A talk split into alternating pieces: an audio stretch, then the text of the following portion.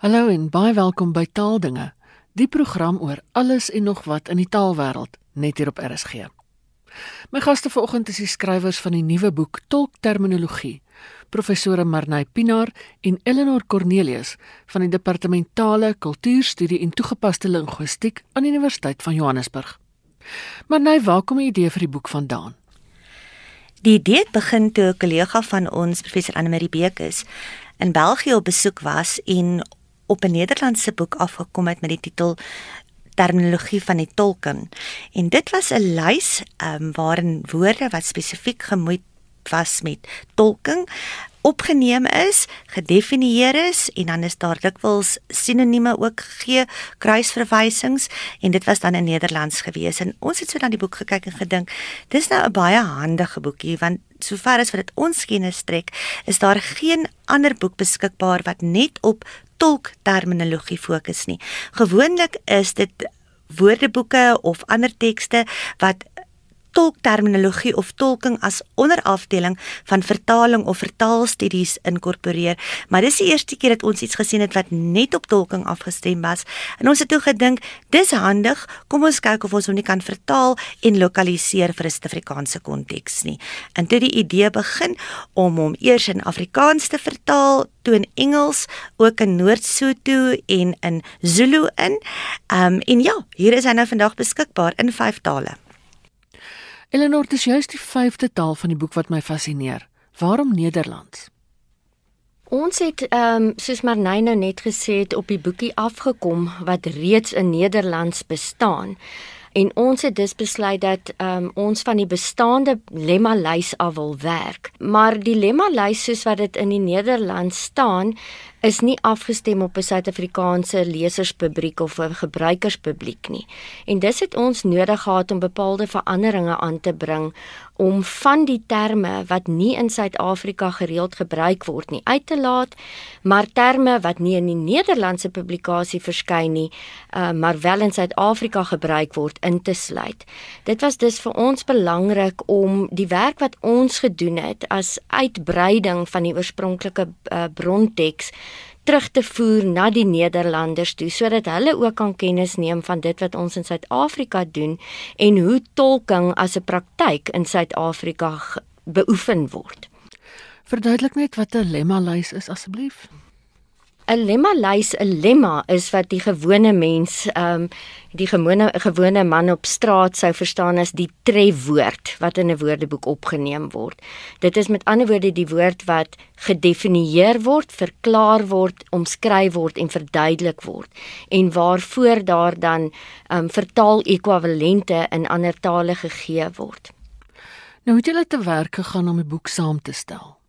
Man, ehm um, Manay het nou al so kortliks daarna verwys. Ons het begin met die oorspronklike Nederlandse lemma lys, die trefwoorde en besluit watter van die woorde ons wil behou en watter van die woorde ons wil weglaat toe ons nou eers 'n vaste lemma lys het, het ons daardie lemma lys in Afrikaans vertaal. Met ander woorde, ons het vanuit die Nederlands as die bronteks gewerk na Afrikaans toe en daar het ons gelokaliseer. Lokalisering beteken om die inhoud ontvanklik te maak vir die konteks of die omgewing waarin die boek gebruik gaan word. Nou die boek gaan in Suid-Afrika gebruik word wat beteken hy moet aangepas word vir 'n Suid-Afrikaanse gehoor. Ehm um, ons het met uh, byvoorbeeld voor van die voorbeelde het ons gelokaliseer om um, vir die gebruiker meer bekend te wees. Ons sou byvoorbeeld geografiese name aangepas het om nie te praat van Utrecht um, en Amsterdam nie, maar ons sou verwys na Suid-Afrikaanse plekname.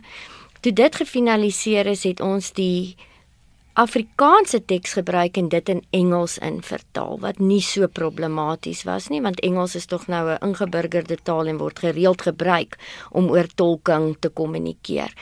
Na die Engels moes ons toe nou teruggaan na die oorspronklike Nederlandse teks want ons het mos nou veranderinge aangebring. En daardie gedeeltes wat verander het, moes ons in Nederlands laat terugvertaal omdat ons die boekie dan in Nederlands ook beskikbaar maak. En die heel laaste proses was om twee Afrika tale by te voeg. So ons is trots daarop om te kan sê dat ons Zulu en Noord-Sotho vertaal ekwivalente um kon byvoeg vir vir die terme wat ingesluit is in ons woordeboek. Uh, maar daar lê nog 'n bietjie 'n um, braakland waar ons nog verder wil werk om die uitbreiding van die um, Noord-Sotho en die Zulu verder te voer en om ook mismoontlik ander tale by te voeg. Maar dis in die toekoms. Eleanor het net nog gepraat van lokalisering. Nou Suid-Afrikaanse Engels verskil ook van internasionale Engels. Moes julle daar ook aanpassings maak, maar nee? Ja, inderdaad is daar sekere terme wat in die Nederlands waar hulle wel Engels ekwivalente gegee het, nie in 'n Suid-Afrikaanse konteks gewerk het nie. Twee voorbeelde daarvan sou byvoorbeeld wees die idee van 'n deaf interpreter wat aan die oorspronklike bronteks het dit verwys na wat ons in Suid-Afrika gebaretaal taal tolk sal noem of 'n sign language interpreter. In Suid-Afrika verwys die term deaf interpreter na iemand wat self doof is. So daar moes ons 'n bepaalde aanpassing gemaak het. Nog 'n voorbeeld waaraan ek kan dink is die gebruik van die term classroom interpreter. As 'n mens dit gaan kyk op Google byvoorbeeld, dan verwys dit internasionaal meestal ook na gebaretaal tolke wat dan vir kinders wat eh, gehoorgestremd is klas gee of hulle klas gee of onderwysproses medieer. Terwyl dit in Suid-Afrika iets heeltemal anders te beteken is tipies wat byvoorbeeld Noordwes Universiteit doen Stellenbosch Universiteit doen waar dit um, gewone simultane tolke is wat in 'n klaskamer situasie sit en verbaal tolk wat in 'n klas gesê word Maar nou wie net verduidelik wat simultane tolking is nie. Simultane tolking is wanneer 'n tolk amper op dieselfde tyd as wat die spreker iets sê, dit oordra in 'n ander taal in. Dis tipies die soort tolking wat 'n mens byvoorbeeld kry by die uh, eh, VVO of jy kry dit by die Afrika Parlement of by die Europese Unie. So daar is nie 'n situasie waar iemand praat en dan kry die tolk geleentheid om dit oor te dra nie. Dit gebeur soos wat die woord sê simultaan. Dit kan natuurlik nie presies op dieselfde tyd wees nie want die tolk moet eers luister voordat hy of sy dit kan oordra in 'n ander taal, maar dis letterlik 'n baie baie kort volg afstand terwyl die spreker praat, word dit dan getolk in 'n ander taal in. Dan is daar ook 'n ander manier van tolking konsekutiewe tolking Eleanor? Ja, ons kry konsekutiewe tolking waar ehm um, ek dink Suid-Afrikaners dalk 'n bietjie meer blootstelling aan het. Ehm um, dit sal tipies gebeur in in howe ehm um, en in kerke. Dit gebeur nie gelyktydig nie. Nou ons kry twee soorte konsekutiewe tolking, lang konsekutiewe tolking en kort konsekutiewe tolking. Kort konsekutiewe tolking is waar die tolk sin vir sin tolk. Met ander woorde, die oorspronklike spreker sê iets, dit kan 'n getuie wees in die hof, dit kan die regter wees, vra een vraag, bly stil en die tolk on, tolk dan onmiddellik die vraag. So dit gebeur sin vir sin, vraag vir vraag ensovoorts. Lang konsekutiewe tolking is stukke taal gebruik wat tussen 5 en 7 minute lank kan wees.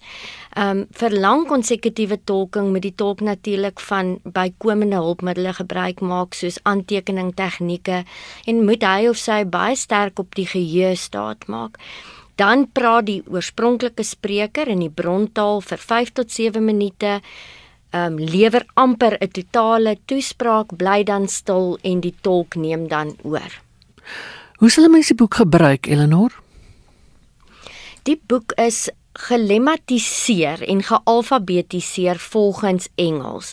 Um en ons vertrekpunt daar was dat die gebruiker in Suid-Afrika heel moontlik op 'n Engelse term gaan afkom wat hy of sy nie verstaan nie en waarvoor hy of sy 'n vertaal ekwivalent in 'n ander taal soek. So Die alfabetiese lys is volgens die Engels, dan kry die persoon die Nederlands, die Afrikaans en dan die Zulu en Noord-Sotho vertaal ekwivalente. So dit is dit is 'n dink ons 'n hulpbron vir mense om toegang te verkry. Eerstens tot vertaal-ekwivalente, maar tweedens ook om die konsep te kan verstaan en dit is waarom daar definisies en omskrywings, kruisverwysings, voorbeeldmateriaal en so meer ingesluit is. Maar nee, dit bring my by die volgende vraag. Wie sal tipies die boek gebruik? In die eerste instansie sekerlik studente wat opgelei word as tolke waar hulle miskien met 'n teks gekonfronteer word wat in Engels geskryf is, hulle is onseker oor wat 'n bepaalde term, kom ons sê nou maar iets soos bewou byvoorbeeld beteken of pivot in Engels en dan kan hulle gaan kyk wat beteken daardie woord of hulle kan die vertaal-ekwivalent gaan kry in hierdie bepaalde ehm um, woordeboek. So versekerlik gaan dit vir studente wat as tolke opgelei word help. Ek dink ook dit gaan vir opleiers van tolke help. Natuurlik ook mense wat navorsing doen oor tolking en daar word tans baie navorsing gedoen oor tolking, maar dan ook Jan Rapp en sy maat wat dalk geïnteresseerd is. Daar's te nemend ook films wat 'n mens ehm um, wat gemaak word oor tolking byvoorbeeld die enetjie paar jaar terug was die interpreter wat nogal mense se ehm um, verbeelding getrek het, maar ook met die hele debakel destyds rondom Nelson Mandela se begrafnis, ook met Oscar Pistorius daardie saak wat daar baie kommentaar in die koerante was wat mense probeer het om toe te tree tot hierdie debat, maar ons het so half die gevoel gekry mense het nie altyd die woorde gehad nie of die metataal gehad om oor tolking te praat nie. Terwyl hierdie boek um, ons het nou dag daaroor gepraat en gesê as jy hierdie boekie deurgewerk het, dan weet jy eintlik presies wat tolking is en wat al die aspekte is wat deel uitmaak van tolking. So dit dit dit is 'n hulpmiddel vir opleiding. Dis ook om terme daar te stel vir mense om in meer as een taal aan die debat te kan deelneem. As 'n mens kyk hoe dikwels hofsaake uitgestel word omdat daar nie 'n tolk beskikbaar is nie, is daar seker 'n groot tekort aan tolke en 'n leemte in hulle opleiding. Eleanor Daar is inderdaad 'n tekort aan tolke, ehm um, want die regstelsel in die praktyk is 'n baie komplekse stelsel. Jy weet ons sit met 11 amptelike tale, maar dit is nie die enigste tale waarin sake verhoor word nie. Ehm um, jy weet daar is byvoorbeeld Chinese wat in die howe verskyn wat te doen het met die stroping van renosters ensovoorts. So dis baie moeilik prakties gesproke vir die departement van justisie om tolke op hulle boeke aan te hou wat gesalieer word vir tale wat nie gereeld in die hof gebruik word of nie daagliks in die hof gebruik word nie. Ehm um, so wat ons agterkom is dat tolke vir van die tale wat nie algemeen gebruik word nie eerder op 'n vryskut grondslag ingetrek word in die stelsel in en dit is dit is gereeld moeilik om tolke te kry in van die tale. Um want dit gebeur gewoonlik op kort kennisgewing wat hulle gevra word om betrokke te raak. Jy weet hulle word vanmiddag geskakel om te vra kan jy môre in die hof verskyn en 'n hof 'n hofsaak hou nie noodwendig altyd net 'n dag lank aan nie. So daar's baie praktiese probleme rondom die regstelsel waarvoor ons baie simpatie het. Die opleiding van spesifiek hoftolke is natuurlik ook problematies want ehm um, die werwingsvereistes vra net vir 'n senior sertifikaat um, wat maar 'n matriek is. Ehm um, en dan 'n soort bedrewenheid wat nie noodwendig um spesifiek getoets word nie in van die Suid-Afrikaanse tale.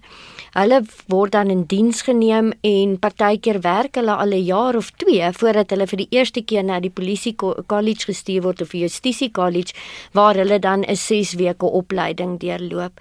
Um en ons kom agter dit is eenvoudig net nie toereikend genoeg om tolke van goeie gehalte op te lei nie. Waar sal mense boeke in die hande kan kry? Die boek um, is uitgegee deur Sun Media in Stellenbosch. Sê dink die maklikste is om hulle te kontak. Die titel van die boek is While Interpreting Terminology of Tolk Terminologie, maar as 'n mens dan vir Sun Media in Stellenbosch skakel, kan dit direk van hulle af bestel word. Hmm. En dan dink ek net is dit ook vir ons belangrik om net vir die mense wat ons gehelp het om hierdie boek um beskikbaar te stel of saam te stel dan dankie te sê. Ons is ondersteun die Universiteit van Johannesburg se Navorsingsfonds en dan veral die Suid-Afrikaanse Akademie vir Wetenskap en Kuns. So um ja, net dankie aan daardie twee instansies ook. Nou die boek is splinternuut. Hy's nou maar pas die afgelope 2 weke bekend gestel nie waar nie Eleanor? Ja, ons het ehm, 'n um, bekendstelling gehad 'n week gelede of so op die 23ste Mei by die Universiteit van Johannesburg en ons het 'n baie wonderlike opkoms gehad veral van studente, derdejaars studente wat tolkstudente is wat geweldig opgewonde was oor die publikasie en voel daar is 'n 'n leemte wat nou gevul is ten minste in twee van die Afrika tale ook. Dan is daar het ons ook op die 30ste Mei um in Pretoria boekbekenstelling waar daar um vir al taalpraktisyns, mense van die departement justisie van die SAIK um teenwoordig daar gaan uh, was en um net so lekker gesprekke daar rond uh, daar rondom plaasgevind. Dit was die hoof van die departementale kultuurstudies en toegepaste linguistiek professor Marnay Pinaar en professor Eleanor Cornelius van dieselfde departement aan die Universiteit van Johannesburg. Dis dan al vir vandag. As jy weer na die program wil luister, kan jy donderdagoggend 3 uur op deurnag inskakel of jy kan die potgooi aflaai by rsg.co.za. Ek hoor graag van jou. My e-posadres is strydom@sabc.co.za. Geniet die res van die Sondag in RSG se geselskap en van my Ina Strydom groete tot 'n volgende keer.